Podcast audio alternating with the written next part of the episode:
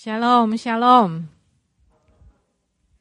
Ada damai sejahtera, ada sukacita buat kita semua hari ini. Amin. Saudara-saudara, teman-temanku, sahabat-sahabatku yang kukasihi, coba colek kiri kanannya, kasih tahu bilang, damai sejahtera Tuhan ada di tengah-tengah kita. Amin. Ada damai sejahtera Tuhan. Damai sejahtera yang bukan dibuat-buat karena fasilitas tertentu, karena uh, suasananya yang dingin, suasananya yang nyaman, tapi damai sejahtera yang ada di tengah-tengah kita karena kita menyadari, kita mempercayai bahwa ada Allah yang besar, ada Bapa yang begitu baik, yang begitu setia, hadir di sepanjang perjalanan hidup kita. Amin teman-teman.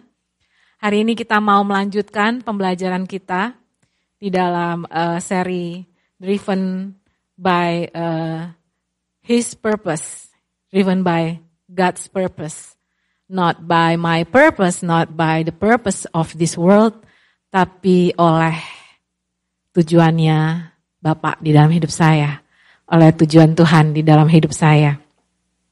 A living sacrifice adalah persembahan yang hidup. Tapi kenyataannya teman-teman di dalam hidup kita, waktu kita mau mempersembahkan sesuatu, kita sudah coming into a thought that, kok gue dikorbanin lagi? Gue harus rugi lagi. Harus memberikan lagi. Harus mengerti lagi. Harus rela lagi. Kayaknya waktu ngomong tentang living sacrifice itu sepertinya sesuatu yang terpaksa sesuatu yang merugikan, sesuatu yang tidak membawa dampak yang signifikan buat kehidupan setiap kita.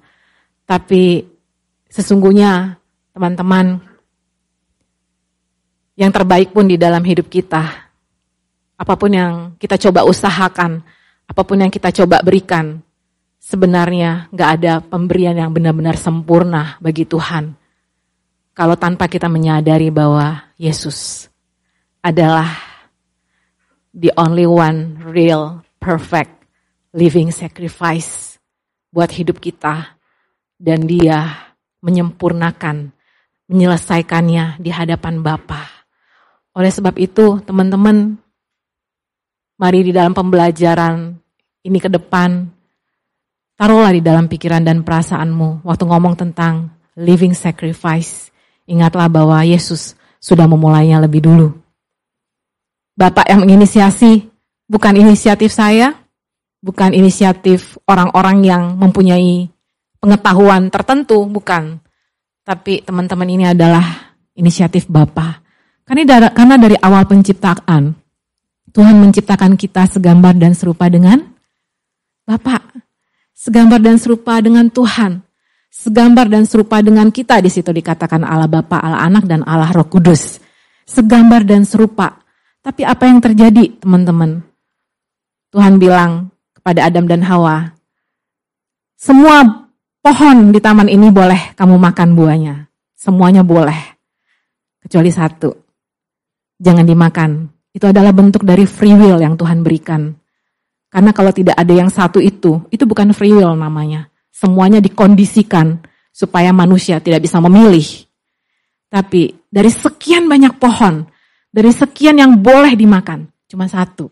Tapi apa yang terjadi, teman-teman? Ternyata manusia mempunyai his own purpose. Manusia mempunyai tujuannya sendiri. Dan masalahnya, teman-teman, tujuan manusia ini sangat mudah ditunggangi oleh kepentingan iblis. Tujuan kita kalau tidak inline, kalau tidak dikaitkan dengan kehendak Bapak, dengan tujuan Bapak, sangat mudah sekali uh, distorsi, sangat mudah sekali distracted dengan apa yang dunia ini terus coba taruhkan di dalam tujuan kita hidup di dunia ini. Waktu itu Adam dan Hawa, mereka punya kepentingan, ya, mereka mau memakai cara mereka dan itu ditunggangi oleh iblis, teman-teman iblis bilang, ya makan buahnya nggak apa-apa, Nanti kalau makan buah ini kamu akan jadi sama seperti Tuhan, kamu akan tahu. Dan pengetahuan ini sepertinya sesuatu yang menggiurkan buat manusia.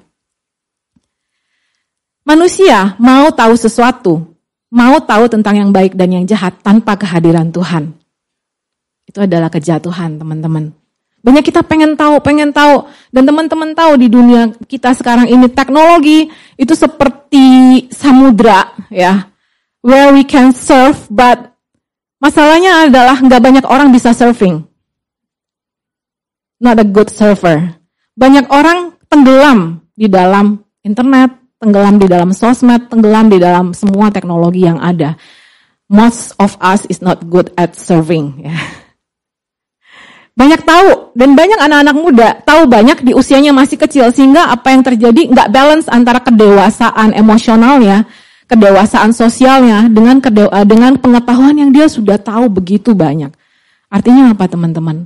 Segala pengetahuan yang engkau coba cari tahu tanpa kamu menyadari ada kehadiran Tuhan, tanpa kamu menyadari ada kehadiran Bapak yang mengasihi kamu, itu nggak akan membawamu ke mana-mana.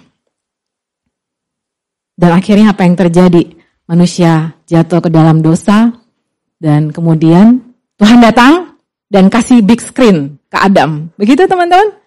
Tuhan datang. Adam, Adam di manakah engkau? Ya, kemudian Tuhan menemukan Adam dan Tuhan bilang, Adam kau sudah berdosa, coba nih. Cering ya, bisa dong ya Tuhan kasih big screen dan Tuhan kasih lihat Adam. Ini adalah akibat dari apa yang kamu lakukan. Ini akibat dosamu. Ada pembunuhan, ada peperangan, ada pemerkosaan, ada pemberontakan. Ini adalah akibat kamu, Adam. Bertobat nggak Adam? Kan kayak gitu teman-teman. Kalau intimidasi, penghakiman, penilaian, perasaan bersalah, itu bisa membawa setiap kita merdeka. Itu semua bisa menjadikan kita orang yang benar. Yesus nggak perlu mati.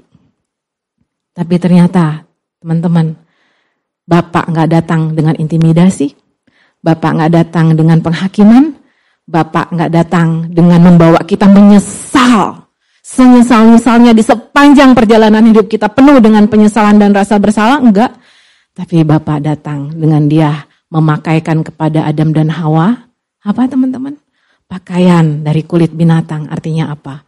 Bapak membawa Yesus sebagai living sacrifice. Dia membawa Yesus sebagai satu-satunya persembahan yang hidup, kudus, dan yang berkenan kita mau sama-sama baca.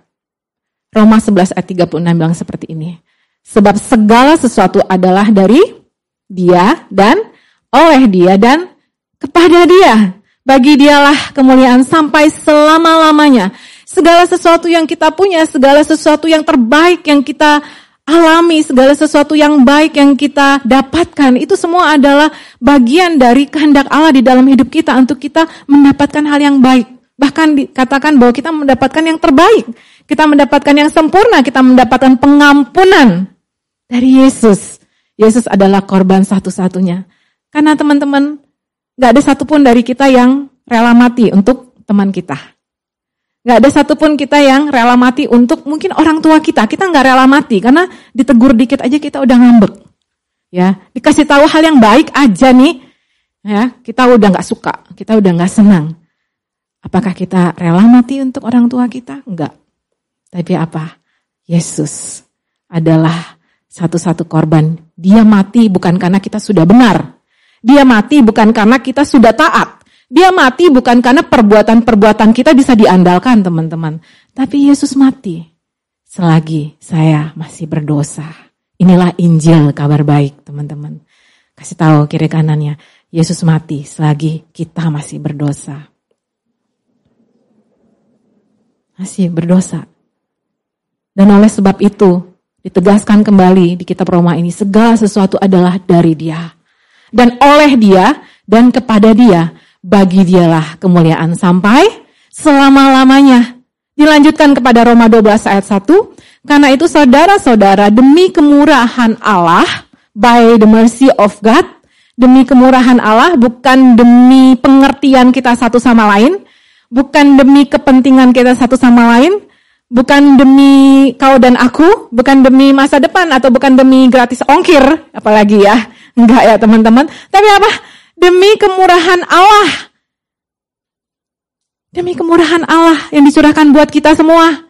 Demi kemurahan Allah, aku menasihatkan kamu supaya kamu mempersembahkan tubuhmu sebagai persembahan yang hidup, yang kudus, dan yang berkenan kepada Allah. Kak, uh, aku mengerti kemurahan Allah, tapi mempersembahkan tubuhku, aku aja benci dengan tubuhku, Kak. Aku aja gak suka dengan tubuhku. Kalau bisa aku pindah tubuh, aku mau pindah tubuh, Kak.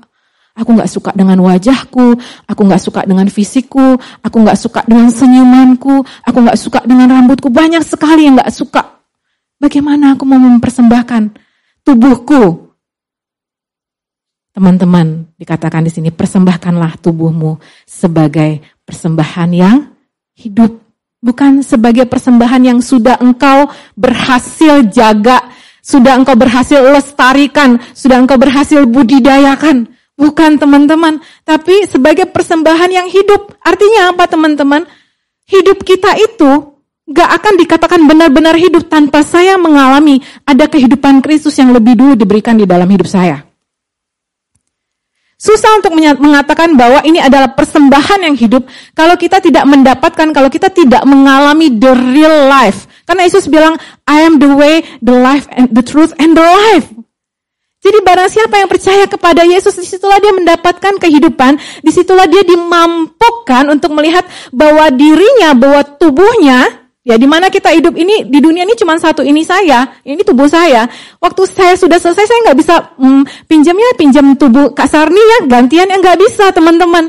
Ini adalah tubuh saya, the only one I have in this world. Kalau ini udah selesai, udah selesai. Artinya apa? Waktu saya menyadari bahwa Kristus adalah persembahan yang hidup dan saya hidup karena Kristus hidup di dalam saya, itu membawa saya untuk mempersembahkan tubuh saya, untuk saya mensyukuri tubuh saya, untuk saya melihat apa pun yang saya punya di dalam tubuh saya, di dalam, dalam hidup saya, ini dimampukan, dikuduskan, dipisahkan dari dunia ini untuk apa? Menjadi persembahan yang hidup bagi dia. Persembahan yang hidup yang bukan cuman asal-asalan, bukan serampangan, bukan suka-sukaan, bukan teman-teman, tapi yang kudus. Yang kudus bukan karena saya sanggup untuk mencapai satu satu standar, satu tingkat kekudusan tertentu. Ya, ada apakah ada satu kriteria checklist uh, syarat-syarat hidup kudus? Tidak, tidak, tidak, tidak, tidak, tidak, semuanya itu. Apakah itu teman-teman? Yang kudus adalah yang sudah dipisahkan dari dunia ini. Siapa yang memisahkan kita dari dunia ini? Yesus. Sehingga apa? Sehingga kita menjadi perkena, persembahan yang berkenan. Masalahnya teman-teman, tidak ada satu kita pun yang berkenan di hadapan Tuhan. Tanpa kita mengalami dan memiliki kehadiran perkenanan Yesus dalam hidup kita. Mau kamu cari approval, begitu banyak likes, begitu banyak followers di dalam hidupmu dan kau mencari perkenanan dari dunia ini, somehow deep down, deep, down inside your heart kamu gak akan satisfied, gak akan puas. Kamu selalu menemukan mm, kurang berkenan, kurang lagi, kurang lagi gak ada plafonnya teman-teman. Tapi waktu engkau mengambil perkenanan dari Allah kepada Yesus and you take it very personal bahwa aku adalah anak yang dikasihi, karena Yesus dikasih dan Yesus berkorban buat aku. Aku adalah persembahan yang hidup, yang kudus dan berkenan kepada Allah.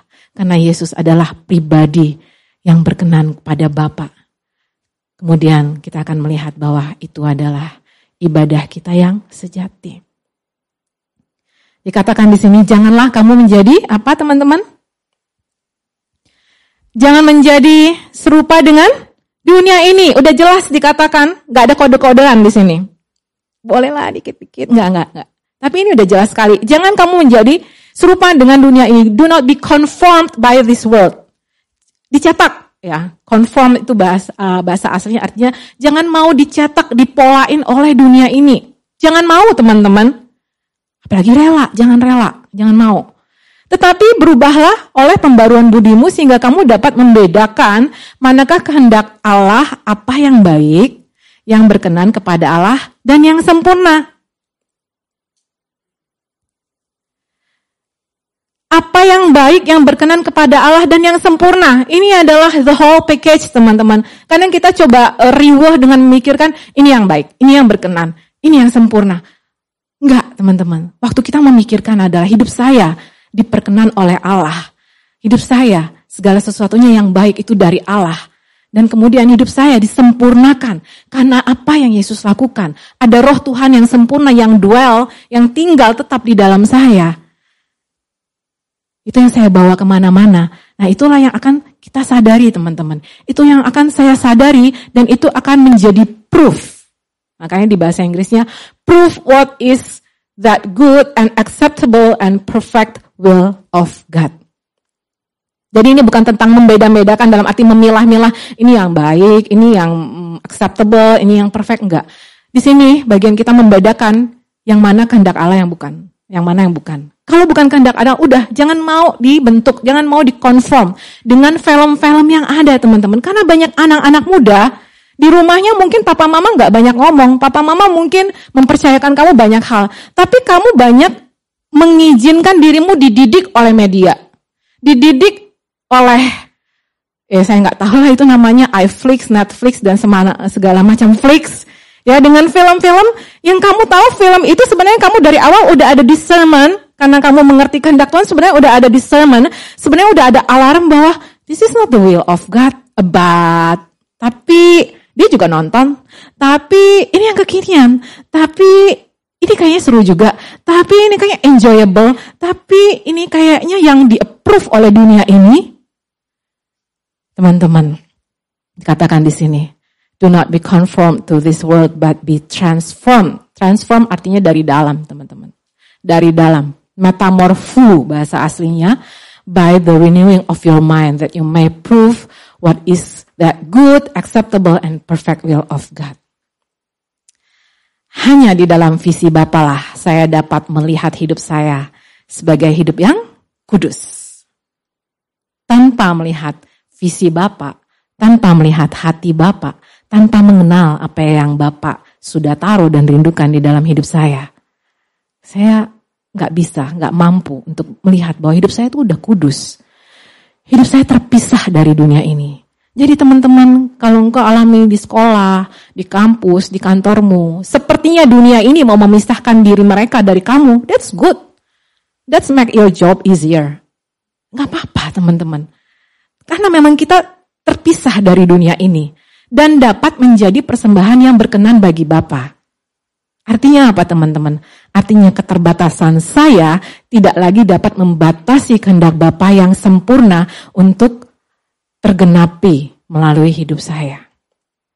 Kalau engkau terus melihat kepada visi Bapa, engkau melihat hidupmu sebagai hidup yang kudus, keterbatasanmu apa pun itu. Dulu kamu permarah, tapi sekarang kamu enggak. Kenapa? Kamu sudah being transformed. Kamu sudah diubahkan terus menerus dari dalam. Dari rohnya yang ada di dalam kamu dibawa terus menerus berubah. Daily life berubah, terus terus berubah. Ya, Sehingga keterbatasan kemarahanmu bukan sesuatu yang lebih besar daripada panggilan Tuhan. Karena banyak orang melihat kemarahan dia lebih besar dari panggilan Tuhan. Orang melihat, apalagi, perkataan orang-orang tertentu itu lebih besar daripada panggilan Tuhan. Orang melihat perasaan mindernya lebih besar daripada panggilan Tuhan. Banyak orang yang melihat ketidakmampuan, tidak punya materi tertentu, itu lebih besar dari panggilan Tuhan. Saya berdoa supaya Tuhan menjadikan mata hatimu terang untuk kamu melihat bahwa panggilan Tuhan di dalam hidupmu lebih besar daripada setiap keterbatasan-keterbatasan yang pernah ada di dalam hidupmu. Kalaupun keterbatasan-keterbatasan itu ada, don't focus there. Lihat kepada apa yang Yesus sudah lakukan. Lihat apa yang Yesus sudah persiapkan buat hidupmu. Lihat apa yang Yesus sedang bawa untuk engkau tuju, yaitu kepada visi Bapa.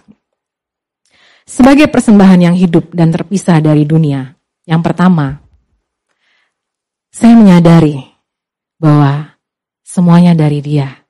Saya menyadari bahwa dari Bapak, dari Tuhan, ada arahan yang jelas dan tepat He gives us perfect guidance. Dan itu ada. Begitu kamu lahir baru, kamu lebih tertarik kepada firman. Lebih mengikatkan dirimu kepada firman, lebih pengen dengar firman. Makanya dengar firman teman-teman di tengah-tengah kita itu bukan karena harus, tapi karena haus.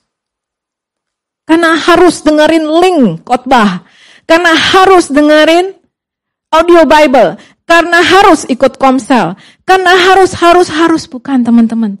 Tapi itu semua lahir dari kerinduan.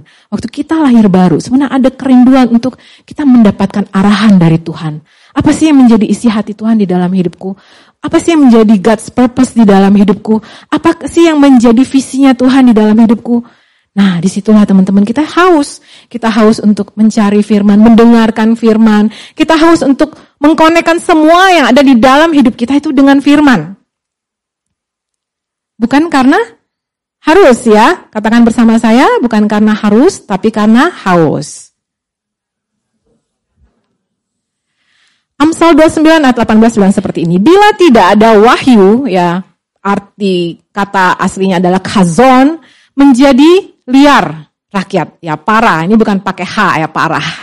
Walaupun arti para ini, liar ini ya memang lebih ke arah destruction teman-teman, lebih ke arah perish. Jadi when there is no vision, the people perish, but he that keep the law happy is he. Nah, teman-teman, waktu nggak ada visi, waktu nggak ada kazon, menjadi liar.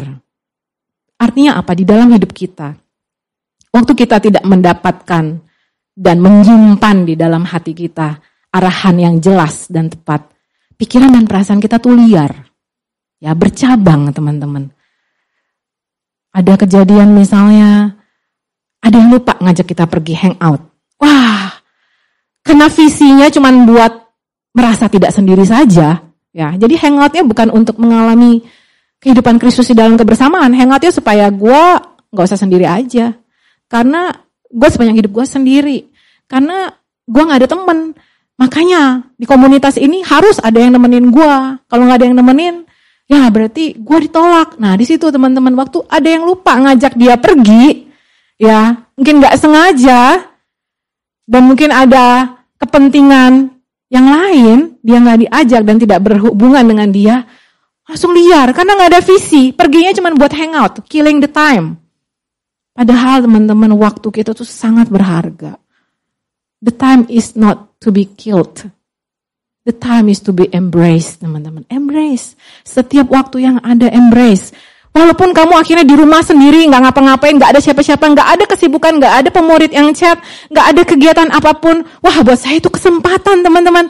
Kesempatan untuk saya merenungkan betapa saya dikasih sama Bapak. Kesempatan untuk saya menelan semua lingkot bayang ada. Kesempatan untuk saya merenungkan betapa Tuhan tuh udah baik sama saya. Tuhan udah memperjuangkan saya.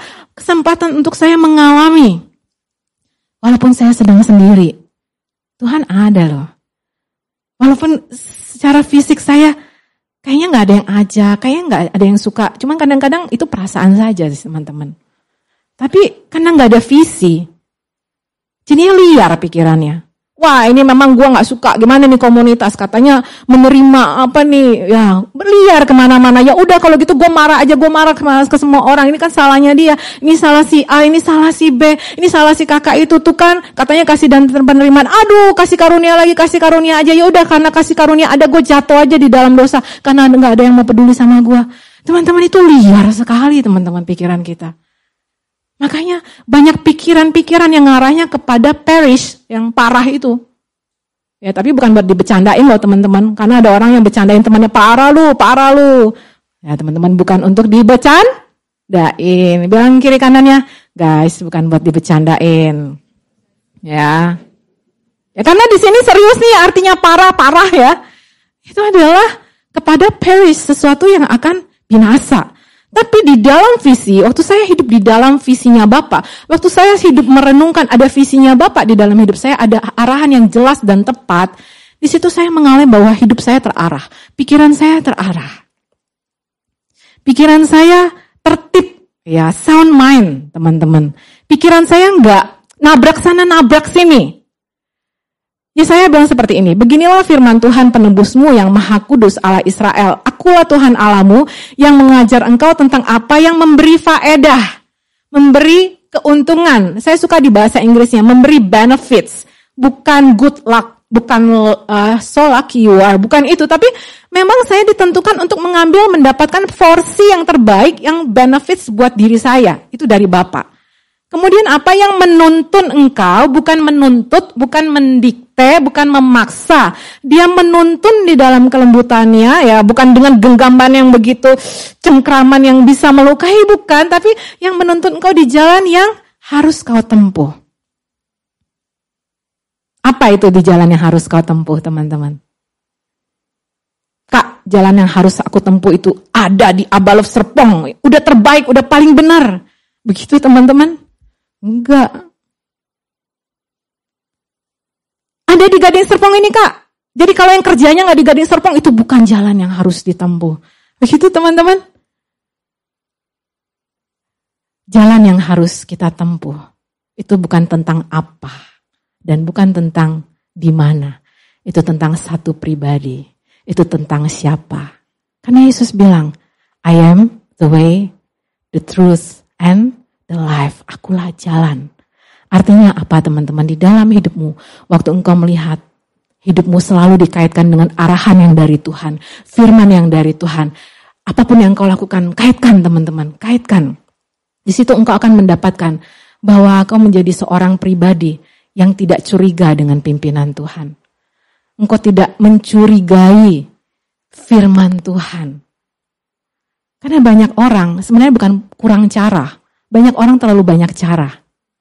Karena yang tadi itu liar pikiran dan perasaannya ke mana-mana. Ya liar ke mana-mana, nggak ada visi. Nggak mau mengkaitkan pikiran dan perasaannya kepada apa yang Kristus sudah lakukan, apa yang Kristus sudah selesaikan. Jadinya ke mana-mana. Banyak orang punya banyak cara. Tapi hari ini kita mau sama-sama melihat bahwa ada arahan. Sekalipun cara saya terbatas, Sekalipun cara saya bisa salah, tapi mau nggak saya menyadari bahwa ada arahan yang jelas dan tepat. Contohnya apa teman-teman? Firman Tuhan bilang gelap tidak bisa bersatu dengan terang. It's very clear. Tapi banyak orang yang tapi tapi dia cantik sekali kak, bagai bidadari yang turun dari kayangan. Siapa di sini pernah lihat bidadari? Ya, nggak ada ya. Mati teman-teman kena cerita, cerita, cerita dongeng-dongeng masa kecil gitu. Tapi dia rambutnya lurus banget kak, tanpa catokan gitu. Tapi banyak sekali alasan. Firman Tuhan bilang Tuhan tuh menciptakan kita dengan hati yang tulus dan murni. Tapi ya kadang-kadang kita mempunyai banyak cara, ya banyak alasan, banyak dalih teman-teman. Tapi aku disayang sama dia kak, aku diperhatikan sama dia. Sedangkan cewek-cewek di sini kak, wah cewek-cewek di R&D tuh kak, tomboy tomboy kak. Enggak lah ya, cewek-cewek R&D. saking saking femininnya jadi ketawanya juga gitu. Ya, enggak, kita adalah the beloved woman of God. Amin. Cewek-cewek. Amin yang ini tuh udah udah the perfect lah kak dari Tuhan buat aku. Tapi memang dia nggak percaya Yesus kak. Tapi bisalah kak aku ajak-ajak ke sini. Nanti siapa tahu dia nyantol kak. Ya banyak orang tuh sekarang pengen menjalin hubungan tuh coba-coba. Teman-teman tahu artinya coba-coba. Coba-coba itu artinya merencanakan bahwa satu waktu bisa cerai. Itu coba-coba. Karena coba dulu, test drive dulu nih, coba dulu. Ya kayak mobil kali ya, test drive. Ya mobil kalau nggak mau ya udah test drive udah diinggalin aja. Tapi kan ini bukan ngomong tentang barang, tentang tentang benda. Ya bukan tentang metamorfora sesuatu gitu ya. Bukan teman, bukan metafora sesuatu, tapi ini adalah tentang kehidupan yang kita tidak bisa permainkan. Pertama-tama sebelum engkau kehidup orang lain dulu, jangan permainkan hidupmu dengan kau melihat ada alasan, ada arahan yang kayaknya bisa dikompromikan. Enggak. Udah jelas, terang tidak bisa bersatu dengan gelap. Amsal 6 ayat 28 bilang, ya, barang siapakah yang berjalan di atas bara dan kakinya tidak hangus. Artinya teman-teman, jangan main sama api. Jangan main sama api. Udah jelas api itu panas. Jadi jangan main sama api. Bilang kiri kanannya, jangan main-main api ya. Jangan coba-coba main api. Udah dikasih tahu panas, terus kamu tetap main. Terus begitu tanganmu kebakar, kamu marah. Wah, tuh tangan gue kebakar nih sakit. Coba, bisa nggak diwakilin sakitnya? Ya nggak bisa. Kamu butuh alami, kamu butuh lewati. Memang ada konsekuensi. Tapi dari awal, dari dia, dari Tuhan, dari Bapak, dia memberikan arahan yang jelas dan tepat. Nggak kode-kode. Dengan kiri kanannya, nggak kode-kode bro, nggak kode-kode sis. Ya, tolong yang jurusannya bukan programmer, jangan belajar coding versi sendiri, bakal syntax error. Oke teman-teman. Ya, kehancuran hidup terjadi bukan karena tidak dapat berbuat apa-apa sehingga tidak punya apa-apa. Tetapi apa teman-teman? Tapi terlalu banyak cara, terlalu banyak eh, terlalu liar pikirannya, terlalu penuh dengan caranya dia sehingga nggak bisa menerima arahan. Tidak bisa melihat arahan itu sebagai visi dari Bapak. Dan kerelaan saya teman-teman untuk menerima arahan itu sebenarnya perjalanan untuk saya peka melihat ada pimpinan Tuhan. Step by step, slow but sure, step by step untuk saya melihat ada pimpinan Tuhan yang membawa saya bukan kepada kebuntuan, bukan kepada kegersangan, bukan kepada kejenuhan, tapi tuntunan Bapak step by step. Dia akan membawa engkau semakin hari semakin mengalami bahwa visinya di dalam hidupmu adalah untuk membawa engkau mengalami kemuliaan demi kemuliaan dari dia. Itu yang pertama teman-teman. Nah yang kedua, sebagai persembahan yang hidup dan terpisah dari dunia ini, saya mau menyadari bahwa di dalam hidup saya ada penyediaan yang sempurna. Amin, teman-teman. Ada? Ada penyediaan yang sempurna? Eh, nggak sempurna, Kak. Selagi di dunia ini nggak sempurna, Kak. Ya memang. Tapi ada pribadi yang sempurna di dalam hidup kita yang bisa kita percayai, yang bisa kita andalkan. Dikatakan ini semua adalah oleh Dia. Penyediaan yang sempurna itu bukan oleh papa mama. Penyediaan yang sempurna itu bukan oleh perusahaanmu. Walaupun perusahaanmu sudah perusahaan yang IPO sama ya gede sekali, tapi tidak ada penyediaan yang sempurna dari perusahaanmu. Perusahaan besar dan internasional apa pun, itu semua dari dunia ini dan gampang tergoncangkan. Penyediaan yang sempurna adalah penyediaan yang tahu sumbernya adalah dari pribadi yang sempurna. Efesus 2 ayat 10 bilang seperti ini. Karena kita ini buatan siapa teman-teman? Buatan Allah. We are his workmanship. Kita ini buat buatan Allah. Saya ini buatan Allah. Saya ini, there's only one me in this world. Dari awal penciptaan sampai sekarang, sampai nanti, sampai kekekalan itu cuma ada satu saya. Cuma ada satu saya. Karena saya ini, kita ini adalah buatan Allah, diciptakan di dalam Kristus Yesus. Kita diciptakan di dalam Kristus Yesus, kita diciptakan di dalam visi, kita diciptakan di dalam kasih teman-teman. Untuk apa? Untuk melakukan pekerjaan baik. Bukan oleh pekerjaan baik. Bukan karena pekerjaan baik, makanya saya ada. Bukan teman-teman. Tapi saya diciptakan dalam satu pribadi, dalam Kristus Yesus untuk melakukan pekerjaan baik. Yang dipersiapkan Allah sebelumnya. Dan ia mau supaya kita hidup di dalamnya. Artinya apa teman-teman? Segala pekerjaan yang di dunia ini tidak bisa kita andalkan. Segala pekerjaan di dunia ini tidak bisa kita jadikan sumber. Mau gajimu berapa digit sih sekarang yang sekarang yang diimpikan oleh orang-orang berapa digit? Gak limited kak digitnya. ya sampai screen saya nggak muat ya kalau di kalkulator zaman dulu itu munculnya E kan karena digit nolnya banyak gitu. Ya teman-teman. Artinya apa? Banyak orang, terutama anak-anak muda, mereka menaruhkan kesempurnaan hidup mereka itu dalam satu pekerjaan. Jadi waktu pekerjaannya dinilai, they take it really personal, dan mereka runtuh karena pekerjaannya dinilai. Mereka tidak berharga karena pekerjaannya dinilai tidak berharga. Mereka merasa ada kehidupan yang diambil, waktu pekerjaannya diambil dan dipindahin ke orang lain. Teman-teman, jangan taruh keberhargaanmu dari pekerjaanmu apa pun posisinya. Apa pun posisinya, itu bukan sumber untuk pekerjaanmu.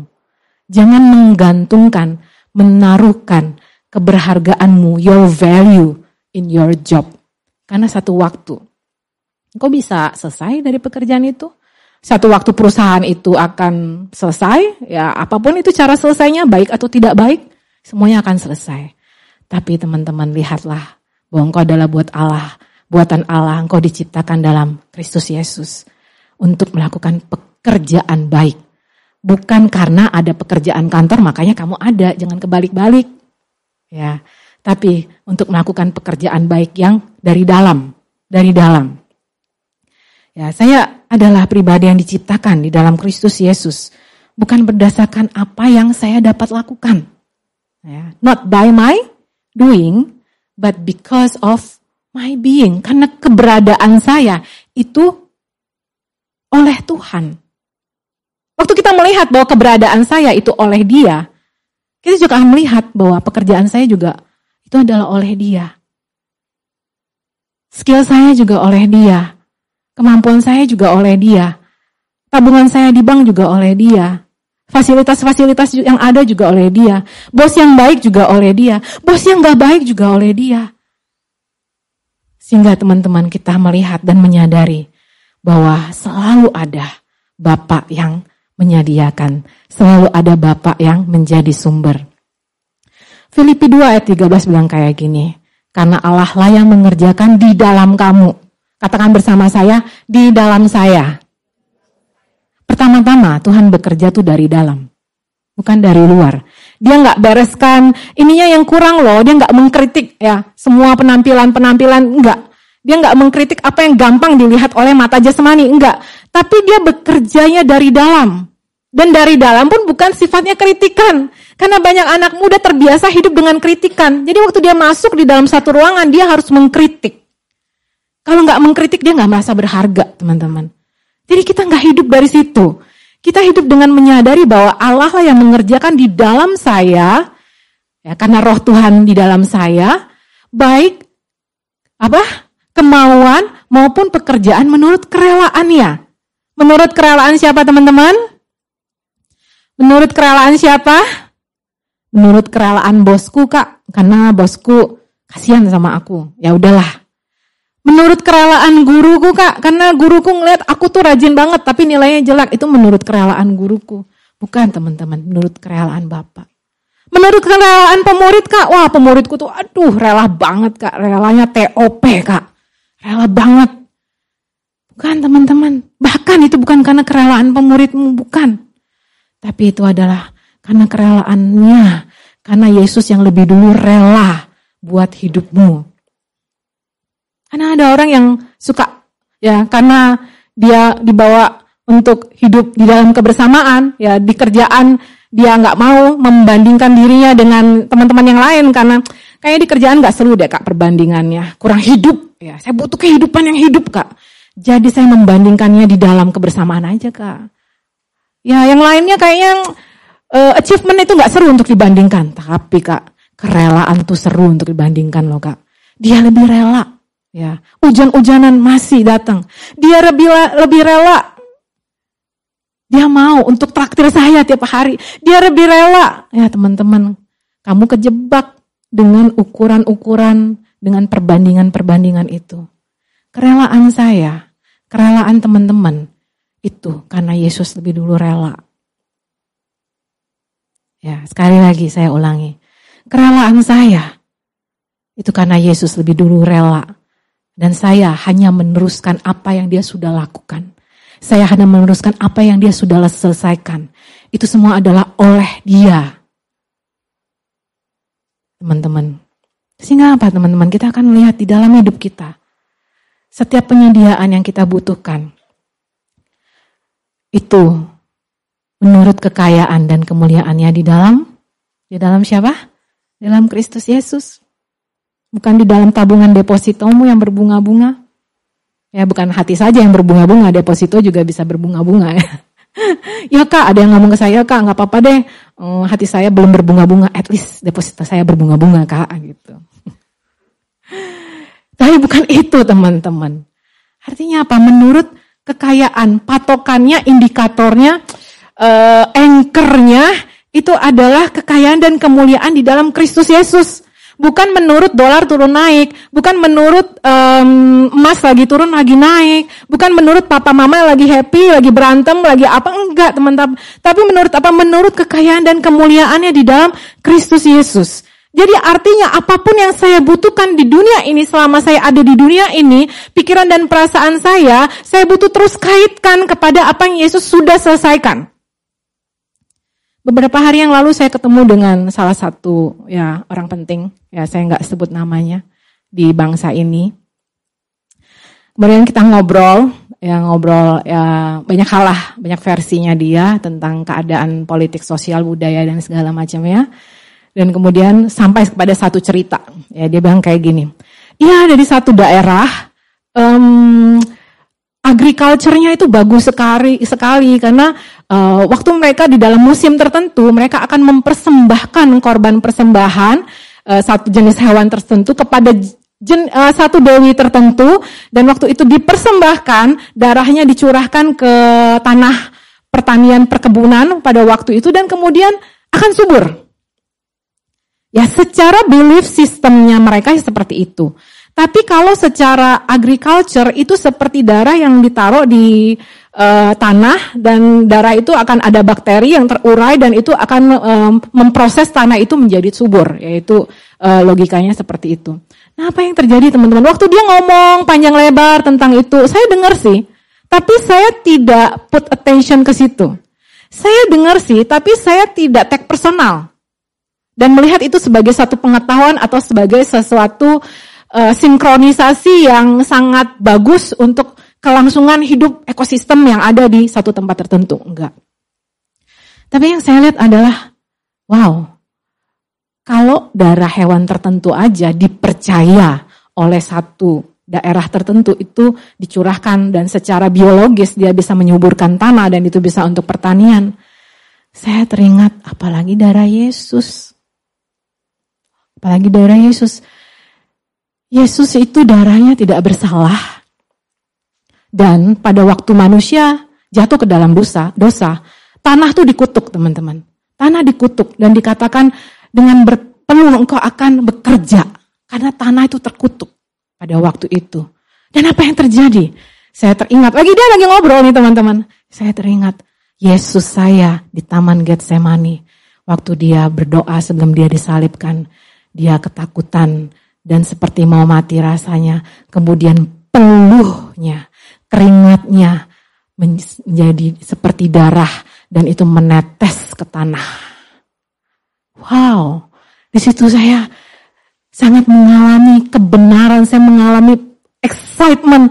Wow, darah Yesus itu begitu powerful. Kalau dulu kita di uh, tanah dikutuk dan kemudian manusia harus berpeluh, bersusah payah untuk mengolah tanah, tapi karena apa yang Yesus sudah selesaikan.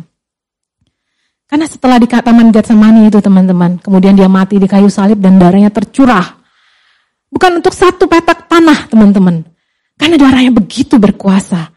Itu tercurah untuk semua untuk semua yang ada di bumi ini, untuk semua tanah yang ada di bumi ini, untuk semua apa pun yang pernah dikerjakan, apa pun yang pernah dilakukan dari dulu sekarang dan sampai selama-lamanya itu tercurah. Dia adalah penyediaan yang sempurna buat hidup saya.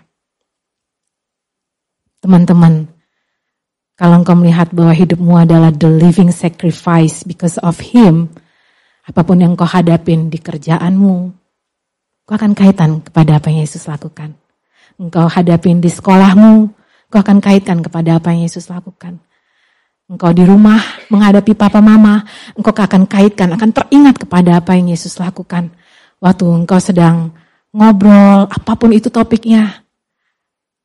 In your daily life, kamu akan mengalami the living sacrifice will make you realize bahwa ada perfect provision. Allahku yang akan memenuhi segala keperluanku menurut kekayaan dan kemuliaannya dalam Kristus Yesus. Segala keperluanmu teman-teman, keperluan, kebutuhan, He shall supply. Tapi banyak kita suka mencampur adukan kebutuhan dengan keinginan. Ya, kita dulu tuh ada sang, yang kebutuhan primer apa teman-teman? Sandang, pangan, papan. Tapi sekarang sosmed ditambah ya. Tambahannya banyak ya. Udah bukan kebutuhan primer, banyak tambahan-tambahan, banyak keinginan-keinginannya. Dan kita mau supaya keinginan itu dituruti dengan waktu yang sesingkat-singkatnya dengan cara yang se-shortcut-shortcutnya. Ya, itu gimana bahasanya? Secepat-cepatnya. Sehingga kita terdistract, tertutup, terselubung, lebih membela keinginan saya. Lebih membela perasaan saya terhadap keinginan itu daripada saya mengkaitkan dengan sukacita kepada apa yang Yesus sudah selesaikan buat hidup saya. Yesus sudah mati di kayu salib. Kematiannya menjadi kepuasan buat hidup saya. Udah oleh sebab itu saya nggak perlu lagi meter waktu harus pergi dari kafe ke kafe ke kafe ke kafe ya kemudian nggak satisfied oh udah udah. That's not my portion. Ya kalaupun butuh ke kafe ya karena ada kehidupan Kristus yang bersama-sama sedang dialami. Kalau nggak pergi harus di rumah ke Alung. Ya nggak apa-apa juga. Ada kehidupan Kristus. Harus di Jasmine, ya nggak apa, ada kehidupan Kristus. Harus di bakery sebelah, ya nggak apa-apa, ada kehidupan Kristus. Ya teman-teman, artinya apa? Selalu ada penyediaan yang sempurna. Karena di dalam saya, I am carrying the perfect provider. Artinya, when there is vision, there is provision. Katakan bersama saya, when there is vision, there is provision. Ya, sebagai anak yang dikasihi, saya dapat hidup menurut kekayaan dan kemuliaan Kristus. Saya bukan hidup menurut kekayaan dan kemuliaan apa kata dunia. Dunia akan terus berkata-kata, tapi dunia sedang lenyap dengan keinginannya. Tapi saya, saya akan hidup sebagai seorang anak Allah yang aware terhadap apa yang menjadi perkataan Bapak di dalam hidup saya.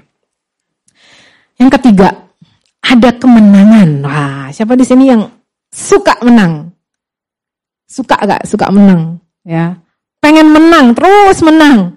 Ada nih teman-teman, ada kemenangan dan kemuliaan yang melimpah. We have a glorious life.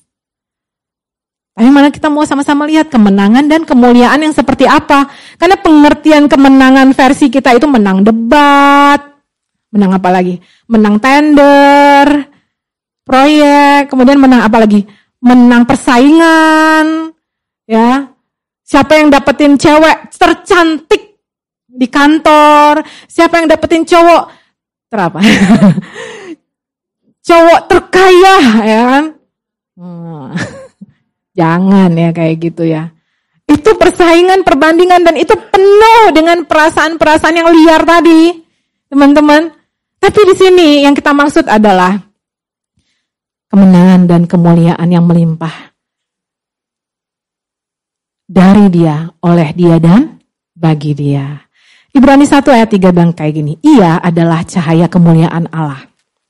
Ia adalah cahaya kemuliaan Allah.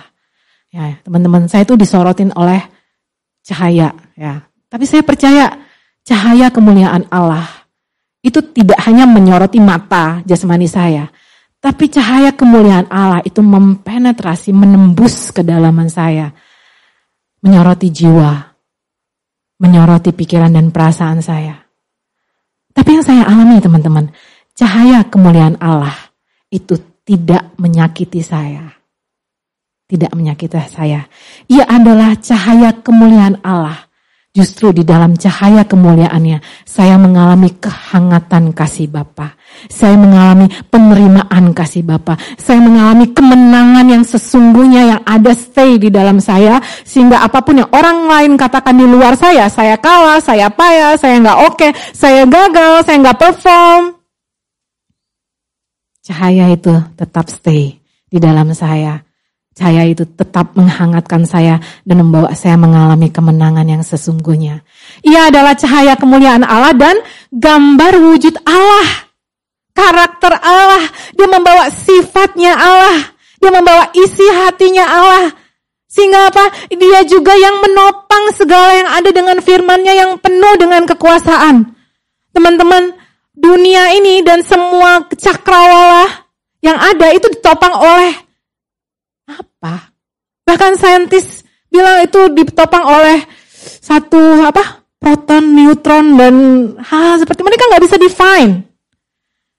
Tapi Ibrani 1 ayat 3 itu udah jelas bahwa ia adalah cahaya kemuliaan Allah dan gambar wujud Allah dan menopang segala yang ada dengan firman-Nya yang penuh dengan kekuasaan. Penuh dengan dinamis, teman-teman. Kekuasaan, kekuasaan yang seperti apa? The excellent power. The excellent power yang bisa mempenetrat pikiran dan perasaan saya. Yang bisa membawa pikiran dan perasaan saya mengalami satu excellency, satu keutuhan pribadi Yesus. Satu keutuhan gambar dan wujud Allah ada di dalam pikiran dan perasaan saya. Dan setelah ia selesai mengadakan penyucian dosa, setelah ia selesai menebus dosa umat manusia, ia duduk di sebelah kanan yang maha besar di tempat yang tinggi. Ia duduk di dalam kemuliaan, ia duduk di dalam otoritas yang tertinggi yang waktu itu pernah manusia berikan kepada iblis, dia rebut kembali teman-teman. Untuk apa? Untuk dia, untuk Bapak, Anak, dan Roh Kudus cuma bertigaan aja udah gitu? Enggak teman-teman. Untuk apa? Untuk engkau dan aku. Untuk kita benar-benar in our daily life, kita mengalami kemenangan dan kemuliaannya yang sesungguhnya teman-teman. Bukan karena uh, saya dengar cerita ini, saya dengar kesaksian ini, oh itu dulu waktu zaman nabi-nabi tertentu. Enggak. He really wants to make it real for all of us ada kemenangan dan kemuliaan yang melimpah, teman-teman.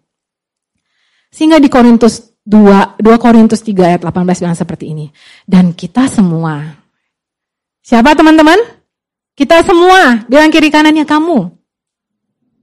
Kita semua, kita semua reflecting, mencerminkan kemuliaan Tuhan dengan muka yang tidak berselubung, ya. Gak ada pembatas lagi antara kita dengan Tuhan. Dan karena kemuliaan itu datangnya dari Tuhan yang adalah roh, maka kita diubah. Being transformed, being changed, metamorpho, menjadi serupa dengan gambarannya dalam kemuliaan yang semakin besar dalam kemuliaan yang yang ada di dalam roh kita itu roh kudus, roh Tuhan, ya, rohnya di dalam kemuliaan yang semakin besar artinya apa? Roh Tuhan yang di dalam saya itu semakin menyatakan kuasanya, kasihnya, kemulia, kemurahannya, kemenangannya terhadap jiwa saya, terhadap perasaan saya, terhadap pikiran saya, dan apa yang di dalam saya itu termanifestasikan, di proof, teman-teman, dinyatakan dari hari ke hari Terus, we walk from glory to glory. Dalam kemuliaan yang semakin besar. Di situ dikatakan we are changed into the same image from glory to glory. Oleh siapa teman-teman? Oleh roh Tuhan. Bukan karena sekali lagi we have done the perfect job, we have the perfect position, enggak teman-teman. Tapi karena kemuliaan Yesus yang sudah ada di dalam hidup saya. Artinya apa teman-teman? Sadarilah di dalam hidupmu sehari-hari kamu membawa. You are the carrier of His presence. You are the carrier of His glory. You are the carrier of His image. Jadi waktu teman-teman menyadari ini, kamu juga nggak akan sembarangan ngomong. Ya, kamu gak akan sembarangan ngomong kata-kata kasar. Kamu gak akan sembarangan ngomong kata-kata yang menghakimi. Kamu gak akan sembarangan ngomong kata-kata yang menuduh. Kamu gak akan sembarangan ngomong kata-kata yang menjatuhkan. Kamu gak akan sembarangan ngomong kata-kata yang melukai. Kamu gak akan sembarangan bahasanya apa? Tembak sana, tembak, gue tembak, tembak, tembak, tembak. Nah saya gak ngerti juga pelurunya dari mana teman-teman. Karena di dalam kemuliaan, kemenangan Tuhan itu gak ada peluru-peluruan untuk nembak-nembakin orang, kemudian tepar terkapar gitu. Enggak. Tapi apa? when we bring His image, when we carry His image, when we carry His presence, ke mana pun kita berada, yang kita perkatakan apa? Kata-kata yang membangun, kata-kata yang meneguhkan, kata-kata yang meneduhkan, teman-teman. Bukan yang manas-manas sih, kompor-komporin ya. Ya teman-teman yang kebiasaan gosip di tempat ini, tolong bertobat. Bertobat teman-teman, itu nggak baik buat dirimu, Jadi yang kamu terlatih untuk membicarakan orang, gosipin orang, terlatih untuk um, apa ya, mengkotakan orang tuh ada di titik tertentu dan orang nggak bisa berubah. Padahal di sini kita dikatakan we are changed into the same image of Christ from glory to glory. Jadi kalau kamu terbiasa ngumpul cuma buat gosip udah jangan ngumpul. Ya, pemuritan aja minta dimuridkan. Ya, kabarin pemuridmu minta dimuridkan kak kalau aku ngumpul sama dia kak, ah udah ini trio kwek-kwek kak. ya, gosip kak. Gosip hanya kak. Jangan, sadari itu. Saya percaya ada discernment. Saya percaya kamu bisa membedakan, wah ini udah nggak benar nih omongannya. Ini udah ke arah gosip ini, ini udah nggak membangun nih, ini udah meruntuhkan, ini udah memojokkan orang nih, ini udah mengkotakkan orang di fase tertentu nih. Sedangkan setiap kita berjalan dari kemuliaan kepada kemuliaan, keluar dari situ teman-teman bertobat dari situ. Dan lihatlah, ada karakter yang kamu bawa itu membawa kemenangan Kristus. Kak, kemenangan seperti apa kak? Baru tadi pagi aku jatuh kak. Baru tadi pagi aku ngelihat hal yang gak bener kak. Baru tadi pagi aku ribut sama papa mama. Kemenangan apa kak? Aku udah merasa kalah sama papa mama. Tuh kan memang gue selalu kalah. Papa mama selalu benar. Teman-teman, Kalaupun tadi pagi kamu merasa kalah, kalaupun tadi pagi kamu jatuh atau berapa jam yang lalu kamu jatuh, kalaupun tadi barusan kamu ngomong kata-kata kotor yang tidak membangun, kata-kata yang menjatuhkan, bangkit. Bangkit. Ambil kemenangan karena apa yang Yesus sudah lakukan. Bukan karena kamu flawless. Bukan karena kamu perfect. Bukan karena kamu berhasil tidak jatuh selama seminggu. Bukan karena itu. Tapi karena apa yang Yesus sudah lakukan. Karena apa yang Yesus sudah selesaikan. Karena oleh dia dan bagi dia ada kemenangan dan kemuliaan itu. Karena itulah kamu bangkit. Karena itulah kamu berubah teman-teman. Karena banyak orang mau berubah supaya orang lain berubah. Oke kak saya berubah. Supaya dia berubah. Oke kak saya rela. Supaya dia rela. Oke kak saya berubah supaya dia suka sama saya. Oke kak, saya berubah supaya saya bisa diterima. No, kita nggak berubah untuk orang lain.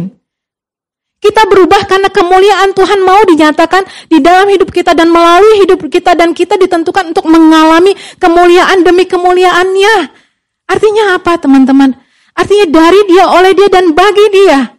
Bukan supaya kamu berubah supaya temanmu berubah, enggak itu terlalu kecil, itu terlalu sempit, itu terlalu sangat jauh dengan apa yang menjadi visi Bapak buat hidupmu. Jadi jangan jadikan orang-orang sekelilingmu sebagai indikator untuk perubahanmu. Tapi terus kaitkan, ikatkan dirimu kepada kehendak Bapa. Kak, tapi aku masih terikat dengan pornografi, Kak. Kak, tapi aku terikat dengan kemarahan, kemarahan, kemarahan. Aku terikat, aku harus marah, aku harus balas dendam, Kak ikatkan dirimu kepada kehendak Bapa. Kenapa kamu masih terikat di sana? Karena kamu tidak mengikatkan dirimu kepada kehendak Bapa. Karena kamu tidak mengikatkan dirimu kepada visi Bapa. Once you tie yourself to his vision, waktu engkau mengikatkan dirimu kepada kehendak Bapa, itu nggak menarik lagi. Kejatuhan nggak menarik lagi. Dosa nggak menarik lagi. Itu sebabnya teman-teman, kasih karunia itu mengangkat. Kasih karunia itu bukan alasan untuk berbuat dosa. I'm not agree with that. Dan memang kasih karunia nggak pernah jadi alasan untuk berbuat dosa. Tapi kasih karunia itu mengangkat engkau untuk mengalami kemuliaan demi kemuliaan. Di sini dikatakan from glory to glory untuk mengalami image-nya Kristus, karakternya Kristus. Bukan untuk kamu menjadikan itu sebagai alasan. Kan nggak ada hukum. Eh enggak, kita masih hidup di negara hukum guys. Masih ada lampu merah? Masih. Coba kalau diterabas karena kata alasan kasih karunia. Itu cuman alasan. Karena banyak orang pengen punya banyak dalih, teman-teman. Di dalam kasih karunia, I don't mind untuk berhenti di lampu merah. Artinya seperti itu. Di dalam kasih karunia, I don't want to wear my seat belt. Di dalam kasih karunia, saya nggak merasa tertuntut kalau harus datang on time. Karena kasih karunia memampukan saya melihat hukum itu di bawah kasih karunia. Artinya kemuliaan Tuhan itu adalah kasih karunia dan kebenaran. Di dalam kemuliaan Tuhan, kamu akan mengalami kasih karunia yang memampukan kamu untuk hidup di atas hukum. Gak masalah dengan hukum yang ada udah gak berkuasa lagi. Hidup gak didikta lagi dengan hukum. Tapi di dalam kasih karunia, kita embrace apa yang Yesus sudah lakukan sehingga itu memampukan kita. Yesus berkata, jika ada yang seseorang mau berjalan meminta bersamamu berjalan selama eh, sejauh satu mil, berjalannya bersama dia sejauh berapa? Dua mil. Kasih karunia itu extra mile teman-teman. Tapi bukan karena terpaksa, bukan karena kemampuan diri saya sendiri, bukan karena saya bisa, bukan karena saya hebat. Tapi karena kasih karunia memampukan saya tapi karena kebenaran yang memerdekakan saya. Kita mau sama-sama lihat 2 Korintus 5 ayat 14 sampai 15. Sebab kasih Kristus yang menguasai kami, karena kami telah mengerti bahwa jika satu orang sudah mati untuk semua orang, maka mereka semua sudah mati. Dan Kristus telah mati untuk semua orang supaya mereka yang hidup tidak lagi hidup untuk dirinya sendiri. Katakan bersama saya, tidak lagi hidup untuk dirinya sendiri. Tetapi untuk siapa? Untuk dia yang telah mati dan telah dibangkitkan untuk mereka. Persembahan yang hidup dan benar itu sanggup mengganti pikiran dan perasaan saya dengan pikiran dan perasaan Kristus yang terpisah dari dunia dan kudus teman-teman. Itu adalah persembahan yang hidup. Ya, setiap hari ya kita dimampukan untuk mengganti setiap pikiran dan perasaan saya dengan pikiran dan perasaan siapa teman-teman? Pikiran dan perasaan Kristus. Dia adalah persembahan hidup yang terbaik, yang berkenan, yang kudus. Untuk saya melihat bahwa diri saya terpisah dari dunia ini. Saya kudus, dikhususkan, dipisahkan. Dan apa? Dan mengembalikan kepemilikan tubuh saya dari dunia kepada Kristus. Jadi tubuh saya udah gak tertarik lagi kepada dosa. Tapi saya mengikatkan tubuh saya kepada kehendak Tuhan. Kenapa saya melakukan kehendak Tuhan? Karena saya mengikatkan tubuh saya kepada kehendak Tuhan. Saya melakukan, saya cat karena kehendak Tuhan. Saya jawab telepon karena kehendak Tuhan. Saya bekerja kehendak Tuhan. Ya, saya drive ke mana saya pergi. Dipimpin oleh Tuhan. Sehingga ada pimpinan Tuhan. Waktu saya ketemu orang tertentu, itu pun bukan karena coincidence. Itu pun bukan karena kebetulan. Kan ada pimpinan Tuhan, teman-teman. Kepada siapa? Kepada Kristus. Untuk saya menjangkau dan mengasihi bangsa-bangsa. Mari kita mau sama-sama baca statement ini. Tiga, dua, satu. Persembahan yang hidup dan benar mengganti pikiran dan perasaan saya dengan pikiran dan perasaan Kristus yang terpisah dari dunia, kudus, dan mengembalikan kepemilikan tubuh saya dari dunia kepada Kristus untuk menjangkau dan mengasihi bangsa-bangsa. Mari kita sama-sama bangkit berdiri.